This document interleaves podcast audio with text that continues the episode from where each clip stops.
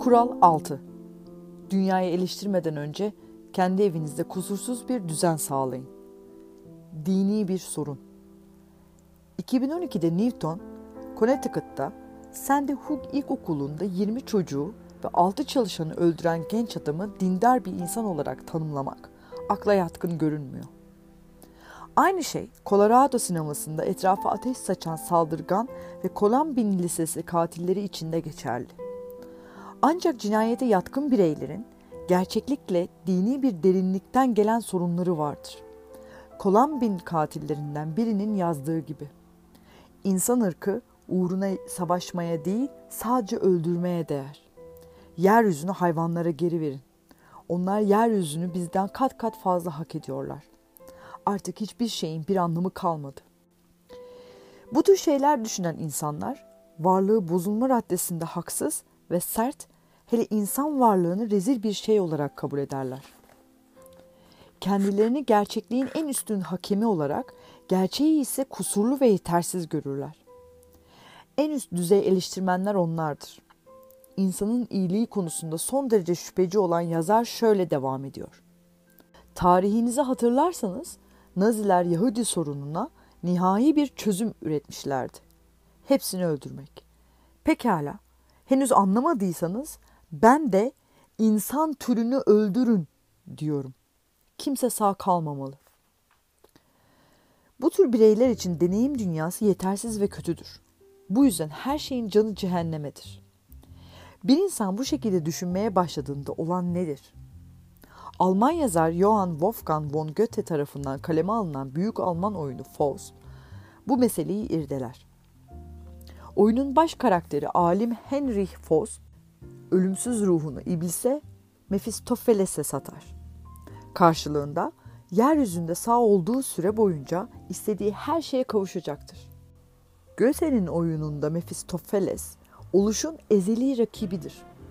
Belirleyici, merkezi bir inanışı vardır. Sürekli inkar eden ruhum ben. Haklıyım aslında. Çünkü yaratılan her şey mahkumdur yok olmaya. Onun için daha iyi olurdu hiçbir şey yaratılmış olmasaydı. Böylece sizin günah, yok etme, kısaca kötü dediğiniz ne varsa benim asıl unsurum. Göte bu nefret duygusunu çok önemsediği için kindar insan yıkıcılığının merkez öğesinin kilit noktası olarak oyununun yıllar sonra kaleme alınan kısım ikisinde Mephistopheles'e biraz farklı bir ifadeyle bunu tekrar söyletir. İnsanlar her ne kadar okul, üniversite ve tiyatro basan toplu katliamcılar gibi düşüncelerini gaddarca hayata geçirmeseler de sık sık Mephistopheles'in tarzıyla düşünürler.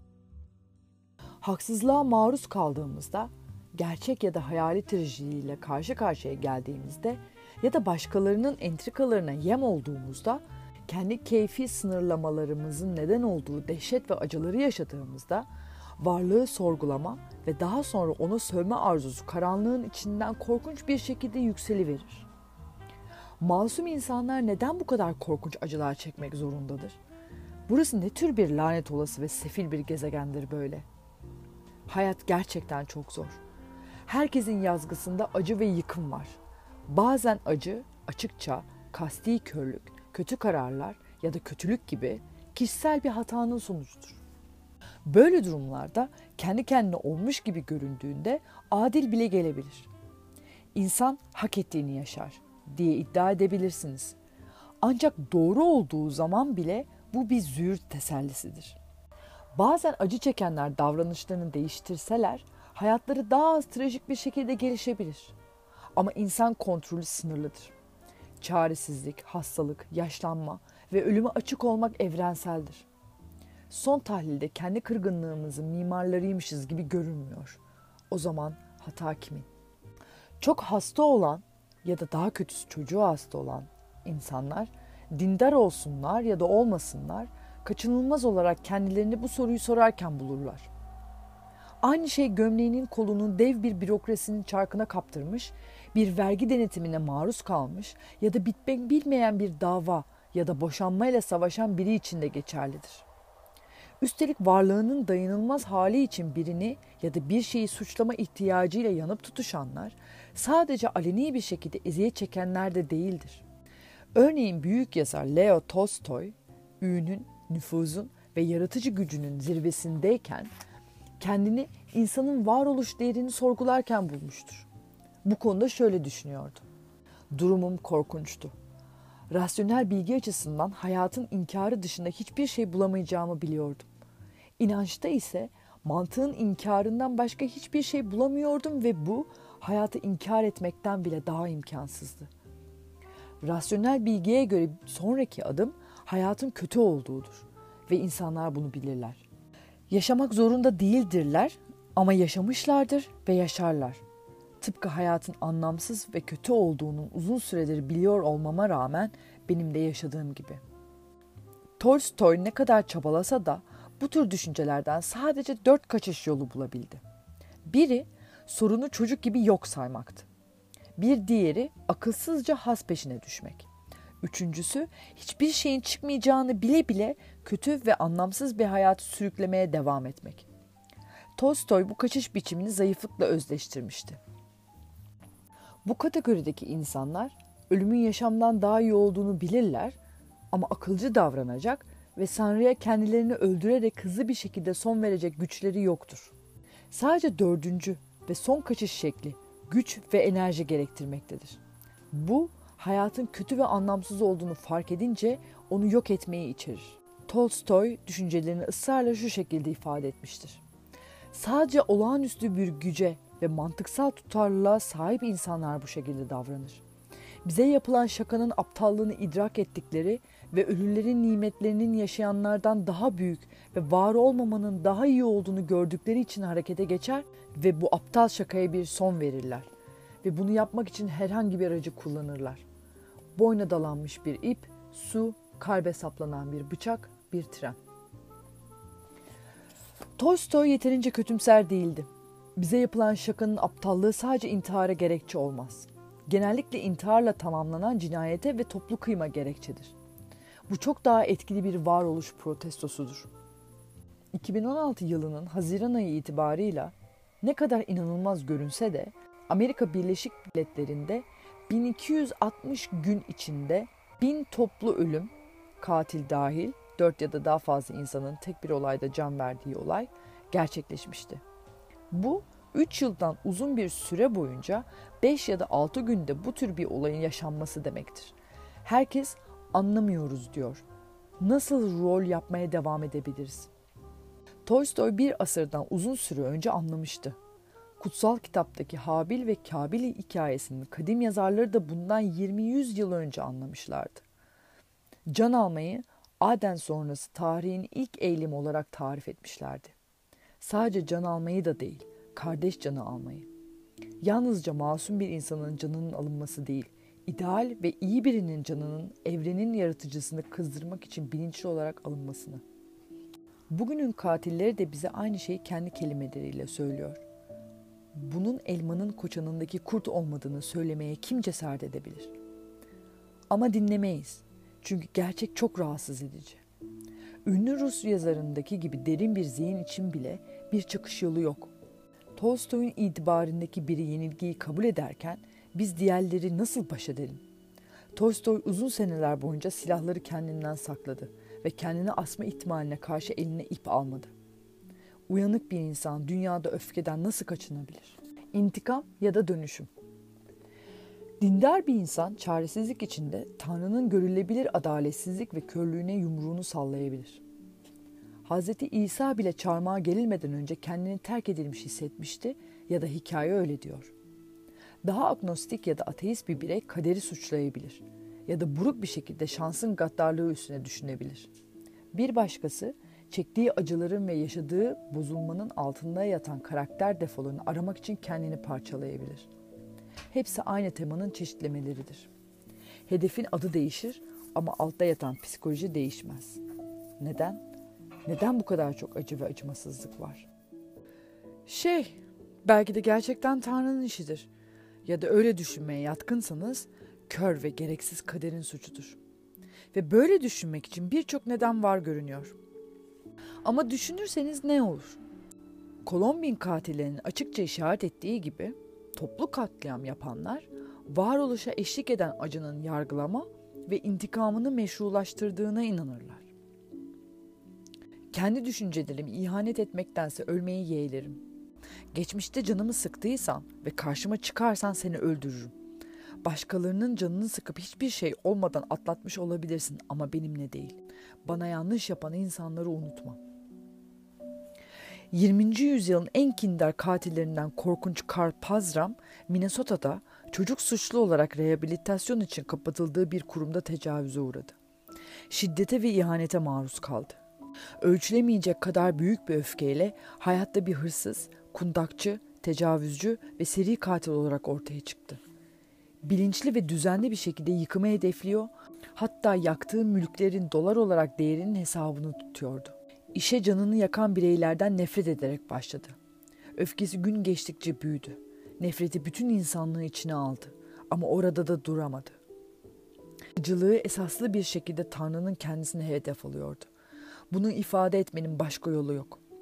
Panzram varlığa durduğu hiddeti ifade etmek için tecavüz etti. Cinayetler işledi, yakıp yıktı. Aynı şey Kabil ve Habil'in hikayesinde de, de yaşanır. Kurbanları reddedilen Kabil acı içindedir. Tanrı'ya seslenir ve bu yakarışı reddeder. Kabil'e sorunun kendisinin yarattığını söyler. Kabil öfkeye kapılıp Tanrı'nın gözdesi ve işin aslı Kabil'in idolü Habil'i öldürür. Kabil elbette başarılı kardeşini kıskanmaktadır. Ama Habil öncelikle Tanrı'yı kızdırmak için öldürür. Bu hikaye insanların intikamlarını uç noktaya taşıdıklarında olanların en hakiki versiyonudur. Pandram'ın tepkisi ki asıl korkunç olan budur, son derece anlaşılabilirdi.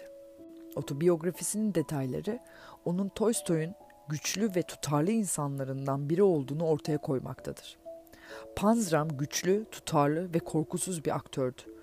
Kendi güçlü kanaatlerinin cesaretine sahipti. Onun gibi bir insanın başına gelenlerden sonra affetmesi ve unutması nasıl beklenebilirdi? İnsanların başına gerçekten çok kötü şeyler geliyor intikam isteklerinin hiç tükenmemesine şaşmamalı. Bu tür şartlar altında intikam ahlaki bir gereklilik gibi görünüyor. İntikam adalet arayışından nasıl ayırt edilebilir? Korkunç bir vahşetin ardından affetmek korkaklık ya da iradesizlik olmaz mı? Bu tür sorular kafamı kurcalıyor. Ancak her ne kadar bu tür bir başarı insanüstü gibi gelse de insanlar korkunç geçmişlerden çıkıp kötülük değil, iyilik de yapabiliyorlar. Bunu başarabilen insanlar tanıdım. Panzram'ın tarifi ettiğine benzer bir okuldan çıkmış büyük bir sanatçı tanıyorum. Tek fark bu adamın söz konusu ortama aynı anda hem kızamık, hem kaba kulak, hem suç çiçeği geçirdiği uzun bir hastane döneminden yeni çıkmış 5 yaşında masum bir çocukken atılmış olması. Gittiği okulun dilini konuşamayan, ailesinden kasti olarak tecrit edilen, taciz görülen, aç bırakılan ve çeşitli eziyetlere maruz kalan bu çocuk öfkeli ve kırık bir genç adama dönüşmüş. Sonrasında uyuşturucular, alkol ve diğer yıkıcı davranışlarla kendine çok zarar vermiş. Tanrı kendisi ve kör talih dahil herkesten nefret etmiş. Ama sonra bunlara bir son vermiş. İçki içmeyi bırakmış, nefret etmekten vazgeçmiş. Her ne kadar nefret zaman zaman anlık olarak kendini gösterse de. Kızılderili geleneğini, sanatsal kültürünü yeniden canlandırıp ayak izlerini takip edecek gençler yetiştirmiş yaşadıklarının anısına 15 metrelik bir totem direği ve yekpare ağaç gövdesinden bugün artık benzeri nadiren üretilen 12 metrelik bir kano oymuş. Kederini ifade etmek ve geçmişiyle barışmak için ailesini bir araya toplayıp yüzlerce insanın katıldığı ve 16 saat boyunca dans edilen büyük bir şenlik düzenlemiş. İyi bir insan olmaya karar vermiş ve sonra iyi bir insan olarak yaşamanın gerektirdiği imkansız şeyleri yapmış. İyi ebeveynleri olmayan bir danışanım vardı. Annesi o çocukken ölmüştü. Onu büyüten büyük anneannesi laf sokmayı seven ve dış görünüşe çok önem veren huysuz bir kadındı. Torununa kötü davranıyor ve onu yaratıcılık, duyarlılık ve zeka gibi erdemler için cezalandırıyor. Kendi ifadesiyle zor geçen hayatının acısını ondan çıkarmaktan kendini alamıyordu. Kızın babasıyla ilişkisi daha iyiydi ama bağımlıydı ve kız ona bakarken feci şekilde hayatını kaybetmişti. Danışanımın bir oğlu vardı. Bunların hiçbirini onda sürdürmedi. Oğlan dürüst, bağımsız, çalışkan ve akıllı bir insan olarak büyüdü. Kadın ona miras kalan kültürel kumaştaki yırtığı büyütmek ve aktarmak yerine dikerek kapattı. Atalarının günahlarını reddetti. Bu tür şeyler yapılabilir. İster psikik olsun, ister fiziksel, ister zihinsel sıkıntının illa nihilizm değerinin, anlamın ve arzulanabilirliğin radikal biçimde reddi, yaratması şart değildir.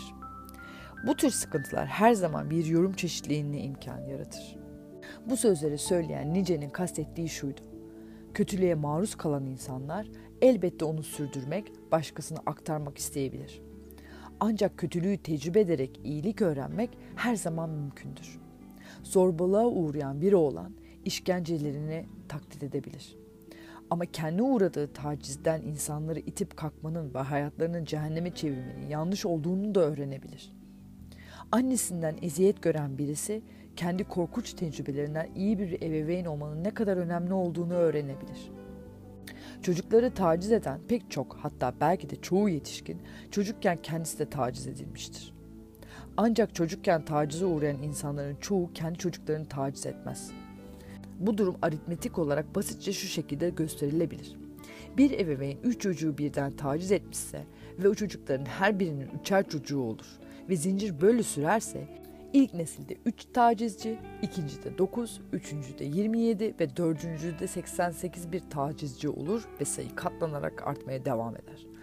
20 neslin sonunda 10 milyardan fazla insan çocukluk tacizine maruz kalmış olur. Yani şu anda yeryüzünde yaşayan toplam nüfustan daha fazlası. Oysa nesiller ilerledikçe taciz kaybolur. İnsanlar yayılmasını engeller. Bu insan kalbinde iyiliğin kötülüğe hakikaten baskın olduğunun kanıtıdır. Ne kadar meşrulaştırılırsa meşrulaştırılsın intikam arzusu diğer üretken düşüncelerin de önüne geçer. Amerika doğumlu İngiliz şair T.S. Eliot bunun nedenini Cocktail Party adlı oyununda anlatır. Karakterlerinden birinin hali çok keyifli değildir. Derin mutsuzluğunu bir psikiyatrist anlatır. Çektiği bütün acının kendi hatası olduğunu umduğunu söyler. Psikiyatrist şaşırmıştır. Nedenini sorar. Kadın bu konuyu uzun uzun ve enine boyuna düşündüğünü ve şu sonuca vardığını anlatır. Onun hatası ise bu konuda elinden bir şey gelebilecektir. Oysa Tanrı'nın hatası ise gerçekliğin kendisi kusurluysa ve onu üzmeyi kafaya koymuşsa o zaman kadın mutsuz olmaya mahkum demektir. Gerçekliğin yapısını değiştiremez ama belki de kendi hayatını değiştirebilir. Alexander Solzhenitsyn korkunç 20. yüzyılın ortalarında bir Sovyet çalışma kampında tutsak edildiğinde varoluşun yapısını ne kadar sorgulasa yeriydi. Nazi istilası karşısında iyi hazırlanamamış Rus ordusunun ön safhalarında görev almış bir askerdi. Tutuklanmış, hırpalanmış ve kendi halkıyla birlikte hapse atılmıştı. Sonra kansere yakalanmıştı. Kırgın, küskün ve iğneyici bir insana dönüşebilirdi. Tarihin en kötü iki zorbası Stalin ve Hitler el birliğiyle hayatını mahvetmişlerdi. Korkunç şartlar altında yaşamıştı. Kıymetli zamanının çok büyük bir kısmı elinden zorla alınıp israf edilmişti. Arkadaşlarının ve tanıdıklarının çektiği anlamsız ve tüketici eziyetlere ve ölümlerine tanık olmuştu. Ardından son derece ciddi bir hastalığa yakalanmıştı. Solzhenitsyn'ın Tanrı'ya sövmek için geçerli nedenleri vardı. Hikayesi Hazreti Eyüp'ünkini aratmıyordu. Ancak büyük bir yazar, gerçeğin derin ve coşkulu bir savunucusu olarak zihninin intikam ve yıkıma yönelmesine izin vermedi. Gözlerini açtı. Solzhenitsyn başına gelen sayısız zorlukta, korkunç şartlar altında bile vakarlarından hiçbir şey kaybetmeyen insanlarla karşılaştı. Davranışlarına derinlemesine kafa yordu. Sonra kendine soruların en zorunu sordu. Hayatının felaketine şahsen bir katkısı olmuş muydu? Olmuşsa nasıl? İlk yıllarında Komünist Parti'ye verdiği sorgusuz sualsiz desteği hatırladı. Hayatını yeniden gözden geçirdi. Kamplarda bolca zaman geçirmişti. Geçmişte işareti nasıl kaçırmıştı? Kaç kez kendi vicdanına aykırı hareket ederek yanlış olduğunu bildiği eylemlere gitmişti. Kendine kaç kez ihanet etmiş, yalan söylemişti. Bir Sovyet çalışma kampının çamurlu cehenneminde geçmişinin günahlarının ıslah edilmesinin, kefaretinin ödenmesinin bir yolu var mıydı? Solzhenitsyn ince dişli bir tarakla hayatını didik didik etti. Kendine ikinci bir soru daha sordu. Sonra da bir üçüncü. Şimdi bu tür hatalar yapmaya son verebilir miyim? Geçmiş başarısızlıklarımın neden olduğu hasarı tamir edebilir miyim? İzlemeyi ve dinlemeyi öğrendi. Hayranlık duyduğu, her şeye rağmen dürüst kalmış insanlar buldu. Kendini parçalara ayırdı. Gereksiz ve zarar verici şeylerin ölmesini sağlayarak kendini yeniden canlandırdı. Ve ardından Sovyet esir kampı sisteminin tarihi olan Gulag takım adalarını yazdı. Yalın gerçeğin sarsıcı ahlaki gücüyle yazılmış çok etkileyici, korkunç bir kitap. Katıksız öfkesi yüzlerce sayfadan haykırıyordu. Sovyetler Birliği'nde haklı nedenlerle yasaklanan kitap 1970'lerde kaçak yollardan batıya ulaştırıldı ve dünyanın üstüne patladı. Solzhenitsyn'in yazdıkları komünizmin ideoloji ve toplum olarak entelektüel inandırıcılığını tamamen ve nihai olarak yıktı. Acı meyveleri onu aç bırakmış ve dikilmesine tanık ve destek olduğu bir ağacın gövdesine balta vurmuştu. Bir insanın kadere küfretmek yerine hayatını değiştirme kararı komünist tiranlığın patolojik sistemini özünden sarsmıştı. Sistemin tamamen yerle bir olması çok sürmedi ve Solzhenitsyn'in cesareti nedenler arasında bir önemli bir yer tuttu. Bu tür bir mucize yaratan tek insan o değildi. Daha inanılmaz bir şekilde önce dönemin Çekoslovakya'sının ardından yeni Çek Cumhuriyeti'nin başkanı olan zulüm görmüş yazar Václav Havel de Mahatma Gandhi gibi akla gelen isimler arasındadır. Her şey dağılabilir. Tüm halklar gerçeği yargılamayı, varlığı eleştirmeyi, Tanrı'yı suçlamayı reddettiler. Eski ahitin İbranilerini bu açıdan değerlendirmek ilgi çekici. Zorlu yolculukları istikrarlı bir yol izliyor. Adem ve Havva'nın, Kabil ve Habil'in, Nuh tufanının ve Babil Kulesi'nin hikayeleri gerçekten çok eskidir. Kökenleri zamanın gizemleri arasında kaybolmuştur. Bizim anladığımız anlamda tarihin başlaması yaratılıştaki tufan hikayesinden sonrasına denk gelir. İbrahim'le başlar. İbrahim'in torunları Tanah olarak da bilinen eski Hait'in İbrani halkını oluşturur. Bir anlaşma yaparlar ve ayırt edilebilir tarihi maceralarına başlarlar. İbrani halkı büyük bir adamın liderliği altında önce bir toplum, daha sonra da bir imparatorluk olarak örgütlenir. Talihleri düzeldikçe başarı, gurur ve kibir doğurur. Daha fazla boğulan devlet gücü saplantıya dönüştürür. Yetim ve öksüzlere karşı görevlerini unutmaya başlar ve Tanrı ile kadim anlaşmasından sapmaya başlar. Bir peygamber ortaya çıkar otoriter kralı, kralı ve inancesini Tanrı karşısındaki başarısızlıklarından dolayı utanmadan ve açıkça lanetler. Bir kör cesaret örneği ve onlara korkunç bir yargının yaklaşmakta olduğunu söyler. Sözleri tamamen yayılmasa da önemsemekte geç kalınmıştır. Tanrı'dan çıkan halkını cezaya çarptırarak onları savaşta sefil bir yenilgiye ve nesillerce sürecek bir boyunduruluğa mahkum eder. İbraniler sonunda tövbe eder talihsizliklerinin suçunu Tanrı'nın sözüne uymayışlarına yüklerler. Geçmişte daha iyisini yapabilecekleri konusunda ısrarcıdırlar. Devletlerini yeniden inşa ederler ve döngü bir daha var. Hayat budur. İçinde yaşayacağımız yapılar inşa ederiz. Aileler, devletler, ülkeler kurarız. O yapıların üstüne kurulduğu prensipleri soyutlar ve inanç sistemlerini formüle dökeriz. Başlangıçtaki cennetteki Adem ve Havva gibi o yapı ve inançlarla yaşarız. Ancak başarının kendini beğenmişlikle rehavete kapılırız, dikkat etmeyi bırakırız. Elinizdeki garanti görürüz, göz yumarız. Bir şeylerin değiştiğini ya da bozulmanın kök salmaya başladığını fark edemeyiz ve her şey dağılır. Bu gerçekliğin yani Tanrı'nın suçu mudur? Yoksa her şey biz yeterince dikkat etmediğimiz için mi dağılır? Kasırga New Orleans'ı vurup şehir dalgalar altında kaldığında olan bir doğal afet miydi? Hollandalılar 10 bin yılın en kötü fırtınasına setler hazırlar. New Orleans'ta aynısını yapsaydı trajedi yaşanmazdı. Kimse bilmiyor değildi. 1965 tarihli Sel Kontrol Sözleşmesi Pontchartrain Gölü'nü kontrol altında tutan set sisteminde iyileştirilmeler yapılmasını şart koşmuştu. Sistemin 1978'de tamamlanması gerekiyordu. 40 sene sonra işin sadece %60'ı tamamlanmıştı. Şehri kasti körlük ve bozulma yerle bir etti. Kasırga Tanrı'nın eğilimidir. Ama hazırlık yapmanın gerekliliği çok iyi bilinirken hazırsızlık olmak işte o günahtır. Bu hatanın hedefi vurmasıdır ve günahın bedeli ölümdür.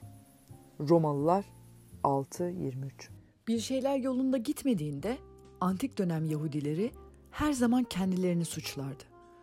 Tanrı'nın inayeti, gerçekliğin inayeti, doğru kabul edilmiş bir şeymiş gibi davranır ve kendi başarısızlıklarının sorumluluğunu üstlenirlerdi. Bu çılgınca sorumlu bir yaklaşım. Öte yandan alternatifi gerçekliği yetersiz olarak yargılamak, varlığın kendisini eleştirmek ve küskünlüğü ve intikam arzusuna gömülmektir. Acı çekiyorsanız tamam. Normal olan budur. İnsanlar kısıtlı, hayat trajiktir. Ancak çektiğiniz acı dayanılmazsa ve bozulmaya başlıyorsanız size üstünde düşünebileceğiniz bir şey sunuyorum. Hayatınızda temizlik yapın. Şartlarınızı düşünün. Ufak ufak başlayın. Size sunulan fırsatlardan tam anlamıyla faydalandınız mı? Kariyeriniz ve hatta işiniz için yeterince çok çabalıyor musunuz? Yoksa iğneleyicilik ve küskünlüğün sizi engellemesine ve aşağı çekmesine izin mi veriyorsunuz? Kardeşinizle barış sağladınız mı? Eşinize ve çocuklarınıza saygınlık ve saygıyla mı yaklaşıyorsunuz? Sağlığınızı ve iyiliğinizi mahveden alışkanlıklarınız var mı?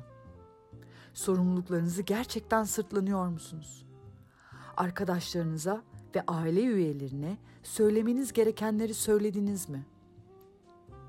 Yapabileceğiniz, yapabileceğinizi bildiğiniz, etrafınızda olup bitenleri iyileştirebilecek bir şeyler var mı?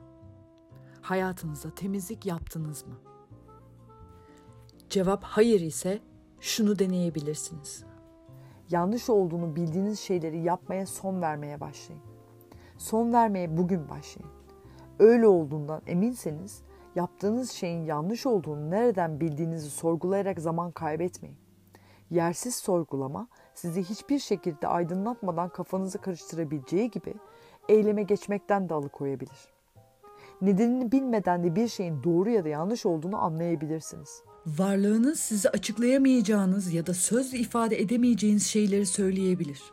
Her insan kendini tamamen bilecek kadar çok katmanlıdır ve hepimiz idrak edemediğimiz bilgeliğe sahibiz. Bu yüzden durmanız gerektiğini belli belirsiz de olsa fark ettiğiniz zaman sadece durun. O küçümseyecek davranış şekline son verin. Sizi güçsüz düşüren ve utandıran o sözleri söylemeye son verin. Sadece sizi güçlü kılan şeyler söyleyin. Sadece onurla anlatabileceğiniz şeyleri yapın. Kendi yargı standartlarınızı kullanabilirsiniz. Kendinize kılavuz olabilirsiniz. Dışsal ve keyfi bir davranış yasasına uymak zorunda değilsiniz. Gerçi kültürünüz kılavuz çizgilerinde görmezden gelmemelisiniz. Hayat çok kısa. Her şeyi tek başınıza çözecek kadar zamanınız yok. Geçmişin bilgeliği büyük çaba sonucu kazanılmıştır ve ölü atalarınızın size söyleyecek faydalı bir şeyleri olabilir. Kapitalizmi, radikal solu ve düşmanlarınızın adaletsizliğini suçlamayın. Kendi tecrübenizi düzene sokmadan devleti yeniden organize etmeye kalkmayın. Biraz tevazu sahibi olun.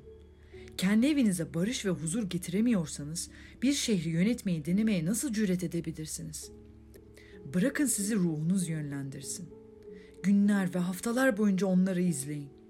İşteyken gerçekten düşündüklerinizi söylemeye başlayacaksınız. Eşinize, çocuklarınıza ya da ebeveynlerinize gerçekten ne istediğinizi ve neye ihtiyaç duyduğunuzu söyleyeceksiniz. Bir şeyleri yapılmadan bıraktığınızda ihmalinizi düzeltmek için harekete geçireceksiniz. Zihniniz açılmaya başlayacak. Onu yalanlarla doldurmaya son vereceksiniz. Tecrübeleriniz iyileşecek ve onları yapay eylemlerle çarpıtmayı bırakacaksınız. O zaman yanlış yaptığınız daha incelikli başka şeyleri de keşfetmeye başlayacaksınız. Onları da yapmaya son verin. Özenli çaba harcayacağınız birkaç ay ve yılın sonunda hayatınız daha basit ve daha az karmaşık bir hal alacak. Yargınız iyileşecek. Geçmişinizin düğümlerini çözeceksiniz. Güçlenecek, daha az karamsar ve öfkeli olacaksınız. Geleceğe doğru daha emin adımlarla ilerleyeceksiniz.'' Hayatınızı yok yere zorlaştırmaktan vazgeçeceksiniz. Hayatın kaçınılmaz çıplak trajedileriyle karşılaşacaksınız ama karamsarlık ve aldatmaca ile birleşip daha da fazla büyümeyecekler. Belki kaygılarınız, umutsuzluğunuz, küskünlüğünüz ve öfkeniz başlangıçta ne kadar ölümcül olsa da azalacak. Belki de o zaman bozulmamış ruhunuz, varlığınıza hakiki bir iyilik, kendi savunmasızlığınıza rağmen kutlanacak bir şey olarak görecek. Belki de daha sağlam bir barış ve iyi şeyler gücüne dönüşeceksiniz. Belki de o zaman bunu bütün insanlar kendi hayatlarında yapsa, dünyanın kötü bir yer olmaya son verebileceğini göreceksiniz. Belki sonrasında gayretin sürdürülmesiyle trajik bir yer olmaya bile son verebilir. Hepimiz iyisi için çabalamaya karar versek, varoluşun nasıl bir şeye dönüşeceğini kim bilebilir? Ruhlarımızın burada, günahkar yeryüzünde nasıl gerçekle arındırılmış, göğü hedefleyen ebedi bir cennet kurabileceğini kim bilebilir? Dünyayı eleştirmeden önce kendi evinizde kusursuz düzeni sağlayın.